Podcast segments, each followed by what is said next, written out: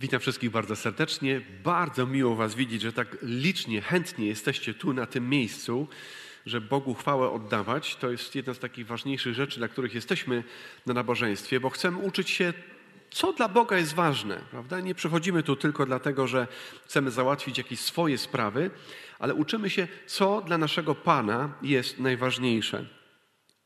I gdy przyglądamy się na ten temat, bardzo dziękuję za tę pieśń do ostatnią. Nie dość, że jest strasznie sentyment we mnie wzbudza, bo e, w pewnym miejscu się jej nauczyłem bardzo dawno temu, no jeszcze za studenckich czasów.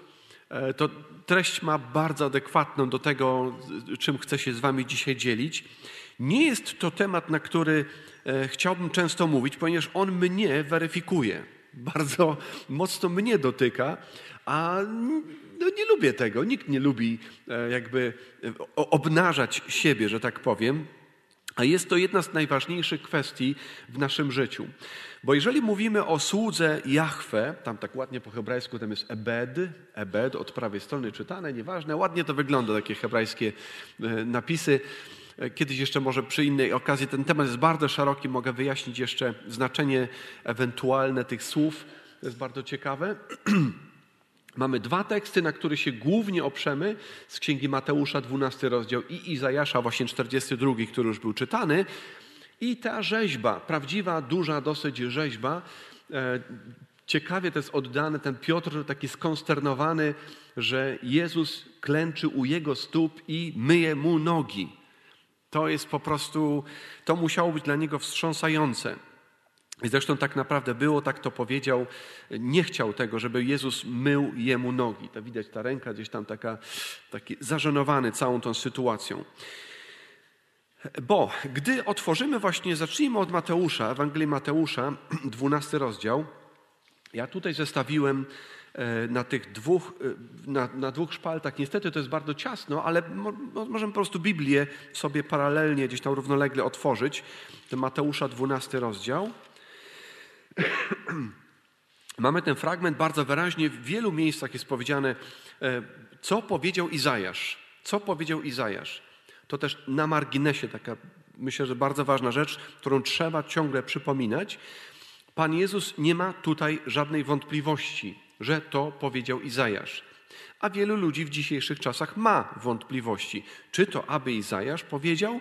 Dlaczego? Dlatego, że E, te słowa, znaczy cała ta część Księgi Zajasza od 40 rozdziału e, wydaje się być jakby napisana, jakby miała dotyczyć 200 lat po tym, po czasie, kiedy Izajasz prorokował. Izajasz prorokuje w 730 około roku i później schodzimy z tą datą w dół i mniej więcej Cyrus i wyzwolenie właśnie z niewoli e, babilońskiej jest około 530 roku.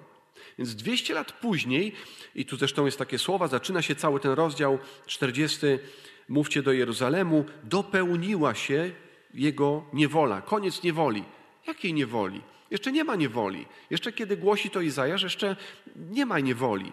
A jednak Izajasz zapowiada pewne rzeczy i gdybyśmy przeczytali więcej tam, to moglibyśmy zauważyć, być może o tym właśnie mówi, kiedy w pewnym miejscu mówi o tym, że zapisz te słowa, zapieczętuj je. I być może dopiero jego uczniowie, później następne pokolenia, właśnie w czasie e, już niewoli babilońskiej odczytują. Tak czy inaczej, tak czy inaczej, Pan Jezus cytuje te słowa i nie ma tutaj żadnych wątpliwości. Jeżeli zaczniemy podawać wątpliwość, czy to Izajasz, a może jego uczniowie, a może nie wiadomo kto tam jeszcze po jakimś czasie napisał, to podajemy wątpliwość Pana Jezusa. Podajmy wątpliwość to, co on powie, czy on w ogóle wie, o czym mówi. Skoro Pan Jezus mówi i cytuje ten fragment z tej części księgi całej Izajasza, to znaczy, że wie, o czym mówi. Pierwsza bardzo ważna, krótka rzecz, ale bardzo istotna. A umysł Pana Jezusa, to też trzeba dodać, to naprawdę warto o tym pomyśleć, czasami zastanowić się. Jego umysł jest nieskażony. Tak, jeżeli nas dotyka e, tak zwana e, całkowita deprawacja, tak to się nazywa, całkowita deprawacja, czyli grzech dotyka każdej dziedziny naszego życia. W różny sposób jesteśmy ułomni, w różny sposób e, coraz słabniemy, słabnym wzrok, uszy, jakiekolwiek narządy i w końcu po prostu umieramy. Łącznie z naszym mózgiem, tak? To wszystko jest dotknięte przez grzech. U Pana Jezusa tak nie było. Tak? On był, e, jego umysł był czysty, najczystszy, najbardziej sprawny, jakikolwiek umysł na ziemi kiedykolwiek istniał. Musimy zdać sobie z tego sprawę. Tak? To nie był jakiś cieśla, który wpadł na pomysł, że jest kimś. Jego umysł był e, absolutnie czysty, nie tak jak nasz skażony umysł. To tak też nawiasem dodając tą kwestię. Dlaczego? Zmierzam do jednego takiego bardzo ważnej, ważnej, ważnej kwestii. Kiedy dochodzimy do tego fragmentu, 12 rozdział, 18 wiersz, i nagle Pan Jezus mówi właśnie te słowa, żeby się wypełniło, co powiedziano przez proroka Izajasza w słowach: Oto mój sługa. To ci, którzy to słyszą, u nich zapalają się wielkie czerwone lampy. O, o, o, o, o, co, co, co, co, co, co on powiedział? To tak jak i ten fragment nie jest w całości idealnie tak jak lewa z prawą. Tak? Mateusza, to co mówi Ewangelia Mateusza, czy to, co jest powiedziane w księdze Izajasza, to nie jest, ide... zwróćcie uwagę, to nie jest toczka w toczkę to samo. Pan Jezus jakby sygnalizuje pewną kwestię, przepraszam, to tak jakby u nas ktoś powiedział jakiś znany poemat, tak, Litwo i wiadomo, co dalej leci, prawda? Albo żeby kuska i wiadomo, co dalej leci, tak? Od razu już wiemy, o co chodzi. Aha, musisz uważać jak się zachowujesz. A Litwo, ojczyzno moja, to wiadomo, jakieś tęsknoty i tak dalej, ojczyzna i tak dalej, i tak dalej, czas niewoli, to wszystko zaraz powstaje nam w głowie i znamy tło takiej wypowiedzi, prawda? Więc dla nas to może mało znaczyć, my po prostu, aha, Izajasz tak powiedział, ciekawe. A, tu możemy jeszcze znaleźć, a tu troszeczkę jest inaczej, a tam jest inaczej i możemy się nad czymś zastanawiać. To będą drugorzędne kwestie. Dla nich najważniejsze było to, padło takie słowo: Oto mój sługa. Wcześniej, w całej księdze Izajasza, w tych 38-9 rozdziałach wcześniej, nie padają takie słowa. Dopiero tutaj i bardzo tak systematycznie to jest powtarzane. Izajasz tam wyliczono, że tam jest pięć, cztery takie pieśni są. Cztery takie pieśni sługi Jahwe. Cztery pieśni sługi Jahwe. My dzisiaj zajmiemy się tylko jedną i tylko o jednej opowiem troszeczkę, ale chciałbym, żebyśmy to rozumieli. U nich wywołuje to od razu takie wielkie, e, no, jakieś zainteresowanie. Co? O kim tu mowa? Bo z tym sługą Jahwe związane jest mnóstwo, związane jest mnóstwo kwestii. To jest księga pocieszenia. Tak? Od 40 rozdziału nazwano bardzo słusznie i dobrze, to jest księga pocieszenia. Z tym związany jest cały ratunek. Czyli co się kryje za tą osobą? Kto się kryje za tą osobą? Co ona od nas chce? Co ona może nam zaprowadzić? I tak jak ta cała księga właśnie zapowiadała, koniec niewoli, koniec ucisku, koniec utrapienia, koniec Twojego problemu, ale na koniec sobie powiemy, a już teraz chciałbym, żebyśmy się nad tym zastanowili, co jest Twoim największym problemem. Co uważacie, że było ich największym problemem? Dojdziemy do tego, powiemy sobie o tym. Więc na razie tylko zaznaczam, i nie będziemy tego wszystkiego wyliczali, ale jeszcze raz przeczytam tylko to, co tutaj dotyczy z Ewangelii Mateusza. Oto sługa mój, którego wybrałem, umiłowany mój, w którym moja dusza ma upodobanie. No, Izajasz mówił tam: Sługa mój, którego popieram, mój wybrany, którego ukochała moja dusza. Dalej, e, złożę na niego, Mateusza mówi znowu, złożę na niego mojego ducha, a on obwieści narodom sąd. Izajasz mówi: Natchnąłem go moim duchem, aby nadał narodom prawo. To też jest ciekawe. To słowo pojawia się tam trzy razy w zwiastowaniu, w zwiastowaniu właśnie Izajasza. Miszpat, prawo, prawo. Tu będzie kryzys, sąd. Sąd będzie. E, czyli kto ma prawo osądzić moje życie? Kto ma prawo e, rozprawić się z moim życiem? Kto ma prawo nadać kierunek mojemu życiu? Bo przecież to nie jest tak, że oni nie mieli prawa. Nie każdy ma jakieś prawo, ale tutaj przychodzi ktoś, który nadaje narodom prawo i również ich to w jakiś sposób dotyczy. Dalej, dalej mówi e, tutaj Mateusza, w Ewangelii Mateusza cytat, mówi, nie będzie się spierał, nie będzie krzyczał, nikt na ulicach nie usłyszy głosu jego. A tu czytamy, nie będzie krzyczał, ani wołał, ani nie wyda na zewnątrz swojego głosu. Bardzo podobnie, dalej jeszcze trzciny nadłamane nie dołamie, ani lnu tlejącego nie zagasi, dopóki nie doprowadzi do zwycięstwa sprawiedliwości. A tu mamy znowu u Izajasza trzciny nadłamane nie dołamie, knota gasnącego nie dogasi, ludom ogłosi prawo znowu. To prawo tu się pojawia. I jeszcze wracając tam, w imieniu Jego narody pokładać będą nadzieję. W Ewangelii Mateusza czytamy, a Izajasz mówi troszeczkę więcej, nie upadnie na duchu, ani się nie załamie, dopóki nie utrwali prawa Miszpat przez cały czas na ziemi, a jego nauki wyczekują wyspy. Czy spodziewają się, kiedy słyszą to hasło, oto mój sługa, spodziewają się ratunku, spodziewają się jakiegoś uwolnienia. Ale co oni mają na myśli, a co ma na myśli Pan Jezus? O czym mówi? O kim mówi?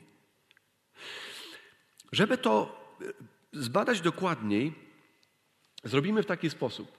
Przejdziemy, musimy wrócić troszeczkę kilka rozdziałów, aż do dziesiątego. Aż do dziesiątego. Ja będę się lekko prześlizgiwał przez te rozdziały, bo chciałbym nakreślić Wam dosyć duże tło tej właśnie wypowiedzi. Dosyć duże tło. Więc konieczne jest, bardzo ważne, żebyśmy mieli otwarte przed sobą swoje Biblie. Zaczyna się w taki sposób. Przywołał dwunastu uczniów swoich i dał im moc. Dał im moc nad czym? Nad światem duchowym. Mają iść, wyganiać te, moc, te, te, te demony, e, uzdrawiać wszelką chorobę, wszelką niemoc, kto to ma zrobić? Później przy okazji siódmy wiersz mają mówić, że przybliżyło się Królestwo Boże, czy Królestwo Niebios. Tutaj Mateusz tak używa takiego sformułowania, ale to o to samo chodzi. I wreszcie Pan Jezus dochodzi dalej i nagle w szesnastym wierszu zakłóca ten obraz, bo no to jest coś, jeżeli bym już to wiele razy mówiłem z tego miejsca, gdybym miał iść za kimś, nawet mówiąc o polityce, o, on ma to coś, Prawda? On ma to coś, co chciałbym mieć, co chciałbym widzieć w swoim kraju, co chciałbym sobą też reprezentować. Chciałbym być dumny, że jestem Polakiem na przykład. Tak? Tutaj bardzo podobnie idę za mistrzem, idę za kimś, daję im moc, dobrze. Ale uwaga, szesnasty wiersz mówi co? Posyłam was jak owce między wilki? Owce między wilki? To powinno być odwrotnie. My powinniśmy być tymi mocniejszymi, ale my, owce to są słabsze. I to jeszcze między wilki. Ja rozumiem, że owce mają być zadbane, mają być no, zatroszczone. Owce między wilki? Coś tu nie pasuje w tym obrazie. Ale na razie tylko przyglądamy się. Pan jest dalej prowadzi tą rozmowę, aż dochodzi wreszcie do porównania, zestawienia, mówi, że będą prześladowania właśnie, ale od 24 wiersza, tak jak tam mamy, e, w zestawie mówi uczeń, mistrz. Sługa Pan. Uczeń, mistrz, sługa Pan. I mówi, nie będzie większy ani ten um, uczeń, ani sługa nad swojego Pana czy nad swojego mistrza. I z czym to się ma łączyć? I tu pierwszy raz pada słowo Belzebub, przeciwności. Nie tylko przeciwności, e, to są e, przypisywanie im pochodzenia. Tak? Jesteśmy, e, ci, którzy idą za Jezusem, są gorszym sortem, tak to używając dzisiejszego takiej nomenklatury. Tak? Oni są gorsi. Oni są niepotrzebni. I w wielu krajach to jest stosowane bardzo dosadnie i dobitnie. Tak, nawet jeżeli mówimy o Chinach, warto czytać dowiadywać się, nawet jeżeli jest tam już jakiś postęp, jest jakieś otwarcie e, i, i rzeczywiście Chiny, można powiedzieć, szykują się do jakiegoś tam jakiejś tam ekonomicznej może inwazji. Oni to ciągle pomału, sukcesywnie robią. Nie chcę wchodzić w politykę, nie chcę tego rozważać, warto się temu przyglądać. Niemniej jednak, patrząc na chrześcijan, tam nie ma tej wolności. Oni są uważani za zło, oni są uważani za e, tych, którzy sprzeciwiają się temu systemowi, i my, mówię, możemy tego tak nie odczuwać, bo my żyjemy w tak zwanym demokratycznym państwie, możemy myśleć, co chcemy, rzekomo, robić, co chcemy, jeździć, gdzie chcemy i tak dalej, i tak dalej. Mamy wolność. Tak? Troszeczkę z sarkazmem to mówię, ale troszeczkę tylko. Naprawdę mamy wolność, dużą, wo bardzo dużą wolność. Nikt nie zamknie cię do więzienia tylko dlatego, że, że przyznajesz się do Pana Jezusa. Tak? Zgodzicie się ze mną? Nikt nas do więzienia za to nie, nie posadzi, że przyznasz się do Pana Jezusa, ale w, w wielu miejscach świata takie przyznanie się do Jezusa jako Pana będzie kwestionowaniem władzy właśnie tej jakiejś innej, tej świeckiej. Więc doświadczanie, doświadczycie przeciwności w takim, taki czy inny sposób. Więc w takim razie pozostaje pytanie, co jest naszym problemem?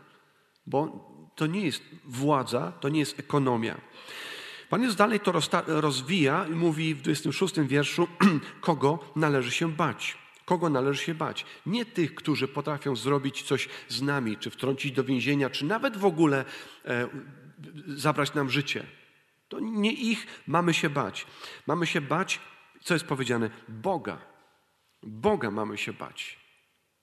I przez cały czas ustawiamy tutaj sprawę, jeżeli mówimy o słudze pańskim, on musi być Panem. Ta pieśń świetnie to oddawała. Sługa król, sługa król. On musi być Panem. Czy on jest moim Panem? Te pytania już pomału powinny się w nas e, pojawiać. I powinienem sobie zadać właśnie takie pytanie, jak tam mamy.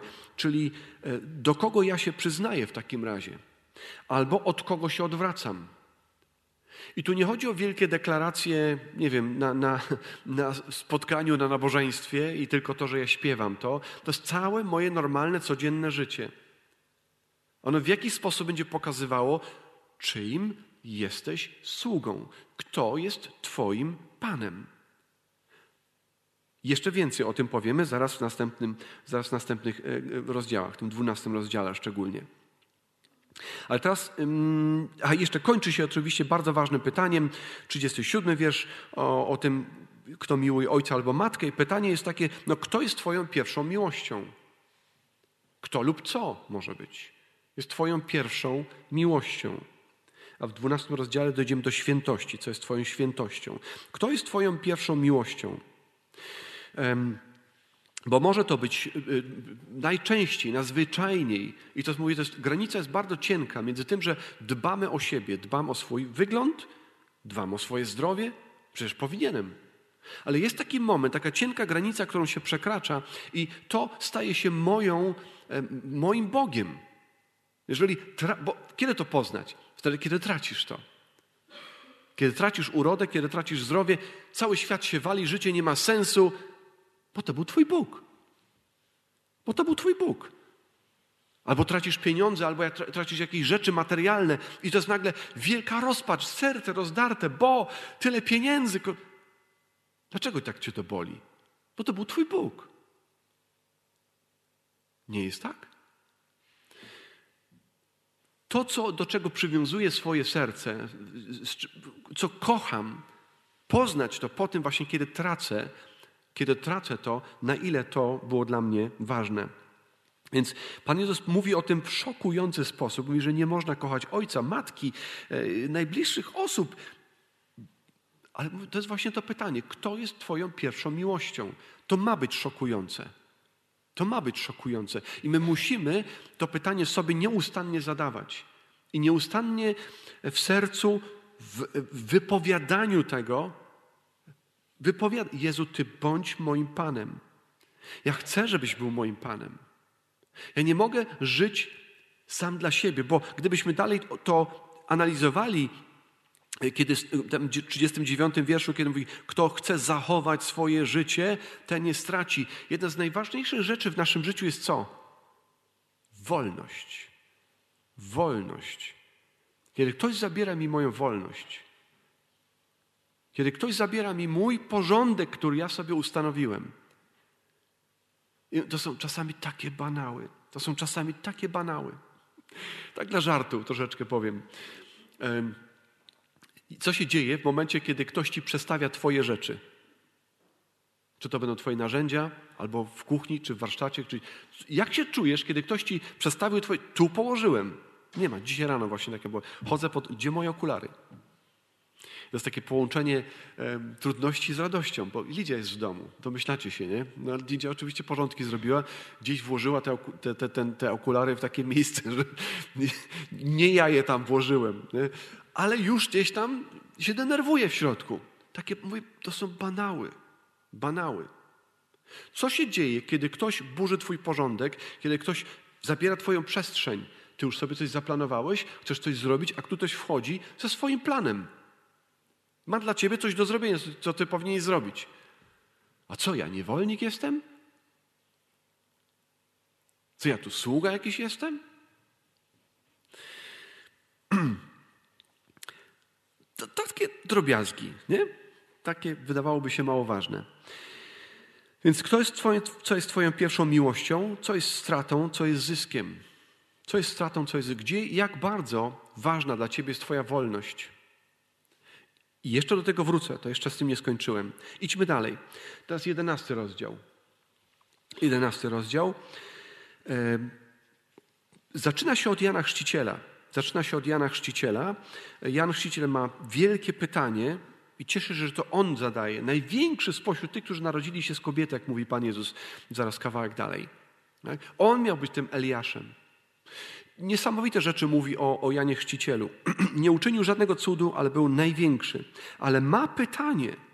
I to jest najbardziej zasadnicze pytanie, jakie można zadać. Czy ty jesteś tym, który miał przyjść? Czy ty jesteś tym, który miał przyjść? Bo to pytanie pojawi się właśnie w takich najdrobniejszych, prostych momentach Twojego życia, kiedy będziesz się zastanawiał, kto lub co jest moim Bogiem. Czy na pewno Jezus ma ostatnie słowo w moim życiu? Pierwsze i ostatnie? Czy to na pewno jest ten, którego dopuściłem ze swoim prawem? On miał nadać narodom prawo, tak jak tam czytaliśmy u Izajasza i w Mateusza. To on, ten sługa Jahwe, ja go chcę w... Tak, Jezu, bądź Panem. Mówi, to jest moje prawo. A nie, nie, nie, to mi się nie podoba za bardzo, bo to za bardzo ingeruje w moją wolność. To bardzo, za bardzo ingeruje w moje, moje potrzeby. Przecież Bóg jest po to, żeby spełniał moje potrzeby. Tak chcielibyśmy dzisiaj. Niedawno tak nawet ktoś powiedział mojemu przyjacielowi pastorowi: Twoje kazania, kazania są kiepskie, ponieważ e, nie wychodzą naprzeciw moim potrzebom. Dziwne kryterium. Czy ty jesteś tym? A Jezus odpowiada, a co zapowiadał Izajasz? I pokazuje mu obraz siebie, tego co robi, tego co robi, kim jest. my też musimy widzieć w Biblii wyraźnie to, co, kim jest Pan. Nie to, co ja bym chciał widzieć, ale to, co mówi Biblia, to, co mówi Izajasz. To, co mówi zresztą tak samo Nowy Testament. Mówi, przyjrzyjcie się Jemu. Jeżeli On zniósł takie cierpienia, jeżeli pa, waszym Panem to zrobiono, to Ty też się przygotuj na to. Ty też przejdziesz przez cierpienia, przez trudności. Nic nie wymyka się spod Jego. I dalej 25 wiersz, jeszcze tylko tak szybko przechodząc. Um, Ważne też tu jest y, o tych uszach, kto ma, słuch, kto ma uszy, ma, musi słuchać i tak dalej, i tak dalej. Ale w 25 wierszu jeszcze mówi tak, ja to bardzo szybko tam chciałem podsumować. E, kto rozumie, kim jest Jezus? Widzimy to w 25 wierszu? Kto rozumie, kim jest Jezus? Kto rozumie? Mądrzy, roztopni, ci, którzy teologię jakąś tam mają stopnie z teologii albo coś tu rodzaju, kaznodziejowie, to nie zależy od tego, że ja tu stoję albo że coś tam mam jakieś e, wykształcenie. Mój prostaczkowie, objawiłeś tą nepios, to są, to są niemowlaki, prości ludzie, objawiłeś swoją prawdę. I to jest najważniejsza rzecz. I to tak samo dotyczy dzieci. Tak? Nie myślcie o tym, że to jest takie za trudne, to, to tylko dorośli rozumieją, kiedyś tam być może. Ta prawda jest objawiona również dla dzieci. To, kim jest Jezus. I to, że On będzie Panem, że On ma być Panem, On ma być tym sługą pańskim, który będzie sługa król, jest Twoim największym szczęściem i największym spełnieniem. Nie Twoja wolność, nie Twoje marzenia, które się spełnią, ale właśnie to, że On będzie królem i panem w Twoim życiu. Więc te rzeczy są zakryte przed mądrymi, roztropnymi, objawione są prostaczkom, dzieciaczkom. Dlaczego? Bo tak się Bogu upodobało. Bo tak się Jemu upodobało. On ma prawo zrobić, co chce, kiedy chce, jak chce, z kim chce. On ma prawo nad wszystkim. Nam się wydaje, kiedyś ja się zdecyduję, kiedyś ja, ja tam ewentualnie podejmę jakieś decyzje, żeby Panu Bogu się przypodobać, albo coś w tym rodzaju. Nie, ratuj swoją duszę już dzisiaj. Ratuj jak najszybciej, wołaj do Niego. On musi być Twoim Panem i każda dziedzina Twojego życia musi być pod Jego kontrolą. Kto zna syna? W 27 wierszu. Kto zna syna? No, nikt, komu ojciec nie pozwoli na to. Tak? Zna ojciec, nikt nie zna syna, tylko ojciec, nikt nie zna, i nikt nie zna ojca, tylko syn, i ten, komu zechce objawić. Zechce objawić. To jest jego prawo. To jest jego prawo. I musimy to uznać. Jezu, Ty jesteś Panem. Ale czy Ty jesteś moim Panem? Bądź moim Panem. Proszę Cię, bądź moim Panem. I dalej mówi jeszcze, 28 i 9 wiersz, bardzo ważne słowo pada, dwa razy się pojawia tutaj. Ukojenie, odpocznienie. Pójdźcie do mnie wszyscy, którzy jesteście spracowani, obciążeni, ja dam wam ukojenie. Weźcie na siebie moje jarzmo, uczcie się ode mnie, że jestem cichy, pokornego serca, a znajdziecie ukojenie dla dusz waszych. Czyli panowanie Jezusa, wejście w, e, w Jego służbę, wejście w Jego jarzmo, które nazywa później w 30 wierszu e, miłe, lekkie, ale to jest służba, to jest poddanie Jemu. To nie jest tylko moja wola i to nie jest tylko żeby mi się dobrze działo. Im bardziej jestem Jemu poddany, tym łatwiej mi się idzie w życiu. Im bardziej jestem Jemu poddany, tym większy mam pokój. Tym większe mam to odpocznienie, o którym marzymy. Każdy z nas marzy. I tak kończy się rozdział jedenasty. I co, to już możemy pójść dalej. Dwunasty rozdział, dwunasty rozdział i tu zaczyna się już ten coraz bliżej tego naszego, to jest najbliższy kontekst tego, tego naszego fragmentu, którym, którego zaczęliśmy. Zobaczmy, od czegoś zaczyna. Idzie Jezus ze swoimi uczniami, idzie przez pola, jest sabat oczywiście. Uczniowie są głodni, zrywają kłosy, zaczynają jeść. I teraz tak, Pan Jezus daje dwa przykłady, jak Dawid wszedł, gdzie wszedł? Do domu Bożego. To jest bardzo ważne, żeby to zauważyć. Do domu Bożego otrzymał tam chleby pokładne. I jeszcze na dodatek nie był sam, tylko był jeszcze z kimś tam. Kapłan daje mu te chleby pokładne. I później dalej jeszcze daje przykład drugi, e, co robią, e, co robią kapłani gdzie? W świątyni. I to sami Żydzi mówią, w świątyni nie ma sabatu. W świątyni nie ma sabatu, bo tam kapłani przez cały czas muszą pracować. I Pan Jezus właśnie na to się powołuje. Czyli tak, jeszcze raz. Dawid wszedł do domu Bożego, kapłani pracują w świątyni. I teraz uważajcie na podsumowanie. Mówię wam, tutaj jest coś większego niż świątynia. To jest bardzo ważne sformułowanie. Jezus mówi, tu jest coś większego niż świątynia, tu jest coś większego niż sabat. Bo powie w następnym zaraz wierszu, mówi, ja jestem Panem sabatu. Ja mam prawo o tym decydować. Ja mam prawo decydować o tym, co jest ważne, a co nie. Ja stoję nad sabatem. To musiało być tak jak cios. Naprawdę. Spróbuj się uszczypnąć albo może uderzyć się. Żeby w tym momencie, czytając to, powinniśmy zadać sobie taki cios w głowę, bo tak poczuli się Żydzi. To jest największa świętość. My tego może tak nie czujemy, tylko niektórzy z nas byli w Jerozolimie i widzieli te miejsca, ale też to dla nas jest bardziej takie historia, wtedy to było, ładnie to wygląda.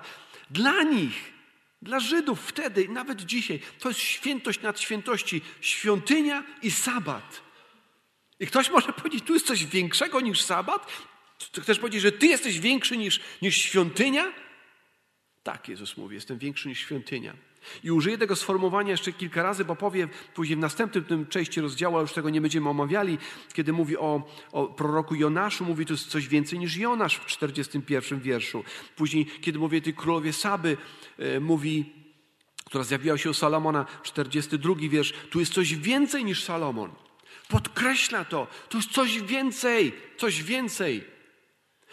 Pytanie jest właśnie takie, możemy sobie zadać jeszcze raz wracając. Co jest Twoją świętością? Świętość nad świętością. Już jak powiedziałem, wystarczy, że w jakiś sposób ktoś Ci to zabierze, ktoś Ci to zaburzy. Tak jak Pan Jezus zaburzył im tą ich świętość. Do czego to ich doprowadziło? Nie było tylko to, że, że ach, jak on nieładnie mówi o naszej świątyni. Oni zaczynają knuć, jak się go pozbyć. Zaczynają myśleć, co zrobić, żeby go zabić. Zabić. Nikt z nas tak nie myśli. Normalnych ludzi, takich, ja nie mówię nawet takich, którzy tu siedzą, nawet ci, którzy nie chodzą do kościoła, którzy mówią, Bóg, obojętne, nie myślą w kategoriach zabić, ale jednak gdzieś pod spodem czai się właśnie coś takiego, że chcieliby wyrugować, wyrugować jako Jezusa, jako tego, który nazywa siebie Panem Sabatu, tego, który mówi o sobie, jestem większy niż świątynia, wasza największa świętość. Ja jestem większy. Dociera to do ciebie, że jestem większy niż twoja największa świętość? To musi do nas dotrzeć. I dalej mamy sytuację, cały ten nasz fragment jest teraz bezpośrednio otulony dwiema e, sytuacjami uzdrowienia. Tak? Z jednej strony mamy tego człowieka z uschłą ręką, z drugiej strony mamy kogoś, kto jest ślepy i niemy, ale nie tylko w taki fizyczny sposób, ale jest opętany. Demon sprawił, że on jest niewidomy i jest niemy. Tak? Te dwie sytuacje. Do tego wrzuć taki kamyczek mały, który zawsze się tu często pojawia, w 15 wierszu, 15 wierszu spójrzcie. Szło za nim wielu, wielu i uzdrowił ich wszystkich. Tych uzdrowień była masa, a skoro mamy podane te tutaj, to znaczy, że Pan Jezus coś chce pokazać, chce coś powiedzieć. czy powiedzmy ewangelista Mateusz, ale rozumiemy, że przez to Pan Bóg i sam Pan Jezus chce nas czegoś nauczyć. Człowiek z uschłą ręką. Trzeba sobie zadać pytanie, po co, mam, po co mam ręce? Po co są moje ręce? Po co masz je? No po to, żeby sobie dogadzać. Prawda? Myję się rękami, czeszę się, karmię się. Zgadzacie się ze mną? Tak? Ręce są po to, żeby sobie dogadzać, żeby ładnie wyglądać. Naprawdę przeżywam gdzieś jakiś taki straszny dyskomfort albo coś więcej, nawet czasami taką niepokój wewnątrz, kiedy czytam o Niku Wojciciu. Kojarzymy Nik Wojcić? Bez rąk, bez nóg? Tak? I on mówi, i bez ograniczeń. Ale nie mogę sobie wyobrazić czegoś takiego, tych wielu mnóstwa prostych sytuacji w jego życiu, kiedy on nie może się podrapać w głowę, nie może sobie niczego zapiąć, e, podciągnąć, nie może. Po prostu. Nie ma rąk. Nie ma rąk. Nie ma nóg. A jednak jego życie jest dedykowane Bogu i to nie jest najważniejsza kwestia w tym fizycznym właśnie wymiarze. W tym fizycznym. Chociaż Pan Jezus robi to i pokazuje im właśnie, że jeżeli Twoje zwierzątko jest ważne, że nawet w sabat je wyciągniesz ze studni, bo wpadło tam, to jeżeli Twoje zwierzątko jest dla Ciebie ważne, to o wiele ważniejszy jest człowiek. O wiele ważniejszy jest człowiek. I ja przyszedłem po to, żeby ten człowiek był ocalony. Ja przyszedłem ze względu na Twoje ręce, które służą wyłącznie Tobie. Ja przyszedłem dotknąć Twojej uschłej ręki. Bezużytecznej ręki, bezwiednej ręki. Rę, ręki, która służy wyłącznie Tobie. A tak naprawdę dynda, po prostu dynda, nie służy Bogu. Ja przyszedłem, żeby dotknąć Twoje ręki. Twoja ręka musi być uzdrowiona. Więc jeżeli mówimy o tym słudze Jahwe, to jest temat, to jest wywołany temat, on przynosi swoje prawo, przynosi swoje miszpat, po hebrajsku to jest sąd, e, swoje, swoje prawa. On to narzuca. I teraz pokazuje, albo ja będę Twoim Panem, albo coś, ktoś innego, jakaś Twoja inna świętość, ale mnie będziesz chciał e, usunąć ze swojego życia. I dalej właśnie ta druga sytuacja jest, w 22 wierszu, kiedy czytamy o tym właśnie człowieku, nie tylko, że jest niemy i niewidomy, to jest też trochę dziwne, bo że akurat te dwie rzeczy, czasami jest głucho niemy, tak to się mówi. że ktoś jest, dobrze mówię, ktoś jest głuchoniemy, że nie, i nie mówi, i nie słyszy. A tu mamy niewidomy, e, nie mówi i na dodatek to jest spowodowane przez jakiegoś demona. Dla Żydów to jest jakiś moment takiej e, eksplozji znowu. Je, z jednej strony niektórzy ludzie mówią, wow, wow, wow, może to jest rzeczywiście ten syn Dawida. Może to jest właśnie ten sługa pański, może to jest ten, który przyszedł z ratunkiem, który przyszedł nas oswobodzi. Może to jest ten. Ale ci drudzy, którzy nie chcą panowania Jezusa, którzy nie chcą Jego świętości, nie, nie, nie. On przyszedł w imieniu Belzebuba. No, większej głupoty nie mogli wymyślić, ale tak właśnie jest w tym świecie. Ten świat, im bardziej jest od Boga oddalony, im bardziej zaprzecza Bożym prawom, tym głupszy się staje. Coraz głupszy.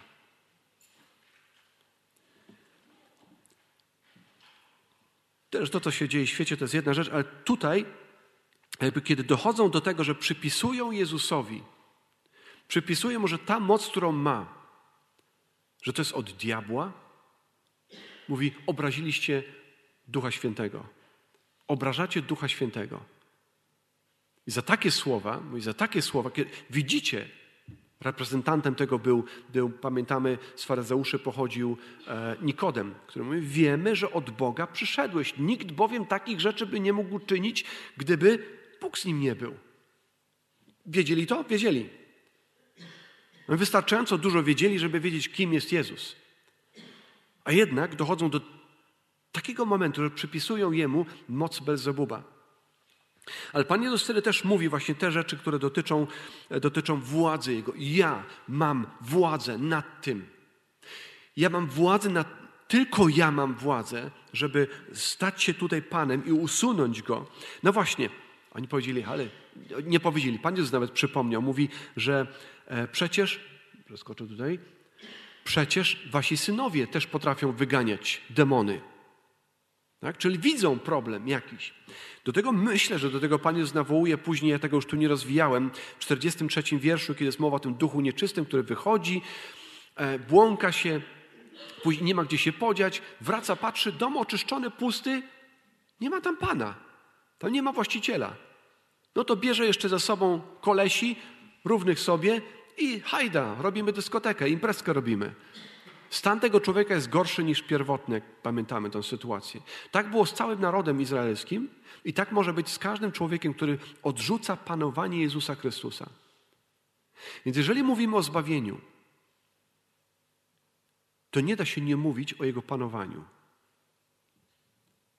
Jeżeli mówimy o zbawieniu w Jezusie Chrystusie, nie można odrzucić na temat gdzieś tam dalszy, to jakiś inny temat jest panowanie Jezusa. To musi być ze sobą spójne. To musi być ze sobą spójne. Więc władza Jezusa, to już jest podsumowanie. Władza Jezusa, czy kwestionujesz ją, czy ulegasz? Czy on ma prawo do każdego zakamarka, do każdego sfery Twojego życia? Kwestionujesz, czy ulegasz? I tu mam ten problem. Jaki jest największy problem? Tutaj na razie. Tam czytaliśmy też o tym, to będzie później 53 rozdział, kiedy będzie baranek potrzebny po to, żeby zakryć nasz grzech, żeby usunąć nasz grzech. I tam zobaczcie, tam też bardzo wyraźnie jest wprost powiedziane, e, na czym polega problem owiec. Są głupie. Tak? Uważają, że mają wolność i on, skoro on tego potrzebuje, tamtego kwiatuszka, który jest tam gdzieś, no to on może tam iść. I lezie. I gubi drogę, jak mówi Pan Jezus. Bo to zanim człowiek stanie się zdeprawowany w takim sensie, że jest, że jest jakimś e, zwyrodnialcem, tak to nazwijmy, Zaczyna się od bardzo prostej rzeczy. To było sam, tak samo z Adamem i Ewą. Tak samo było z nimi. Wolność. Damy radę. Damy radę bez Boga. To nie było od razu tak, że Adam i Ewa, tak, masz rację wężu i od razu z jakimiś pięściami do Pana Boga. Nie, oni tylko chcieli zasmakować wolności. Wolności. I granica jest bardzo, bardzo cienka między samodzielnością a samowolą. Ja chcę, żeby moje dzieci były samodzielne. Ale jest bardzo cienka granica między samodzielnością a samowolą. Bo można, jak to się mówi, wycierać sobie usta Panem Bogiem. Nazywać go Panem i, i nawet wzywać go, co on ma zrobić, rozkazywać i tak dalej. Chorobą i tak. Można takie rzeczy robić. Ja widziałem takie rzeczy. Ale czy to nie jest przypadkiem samowola? Że ma być po mojemu. Ma być, skoro ja tak mówię, to tak ma być.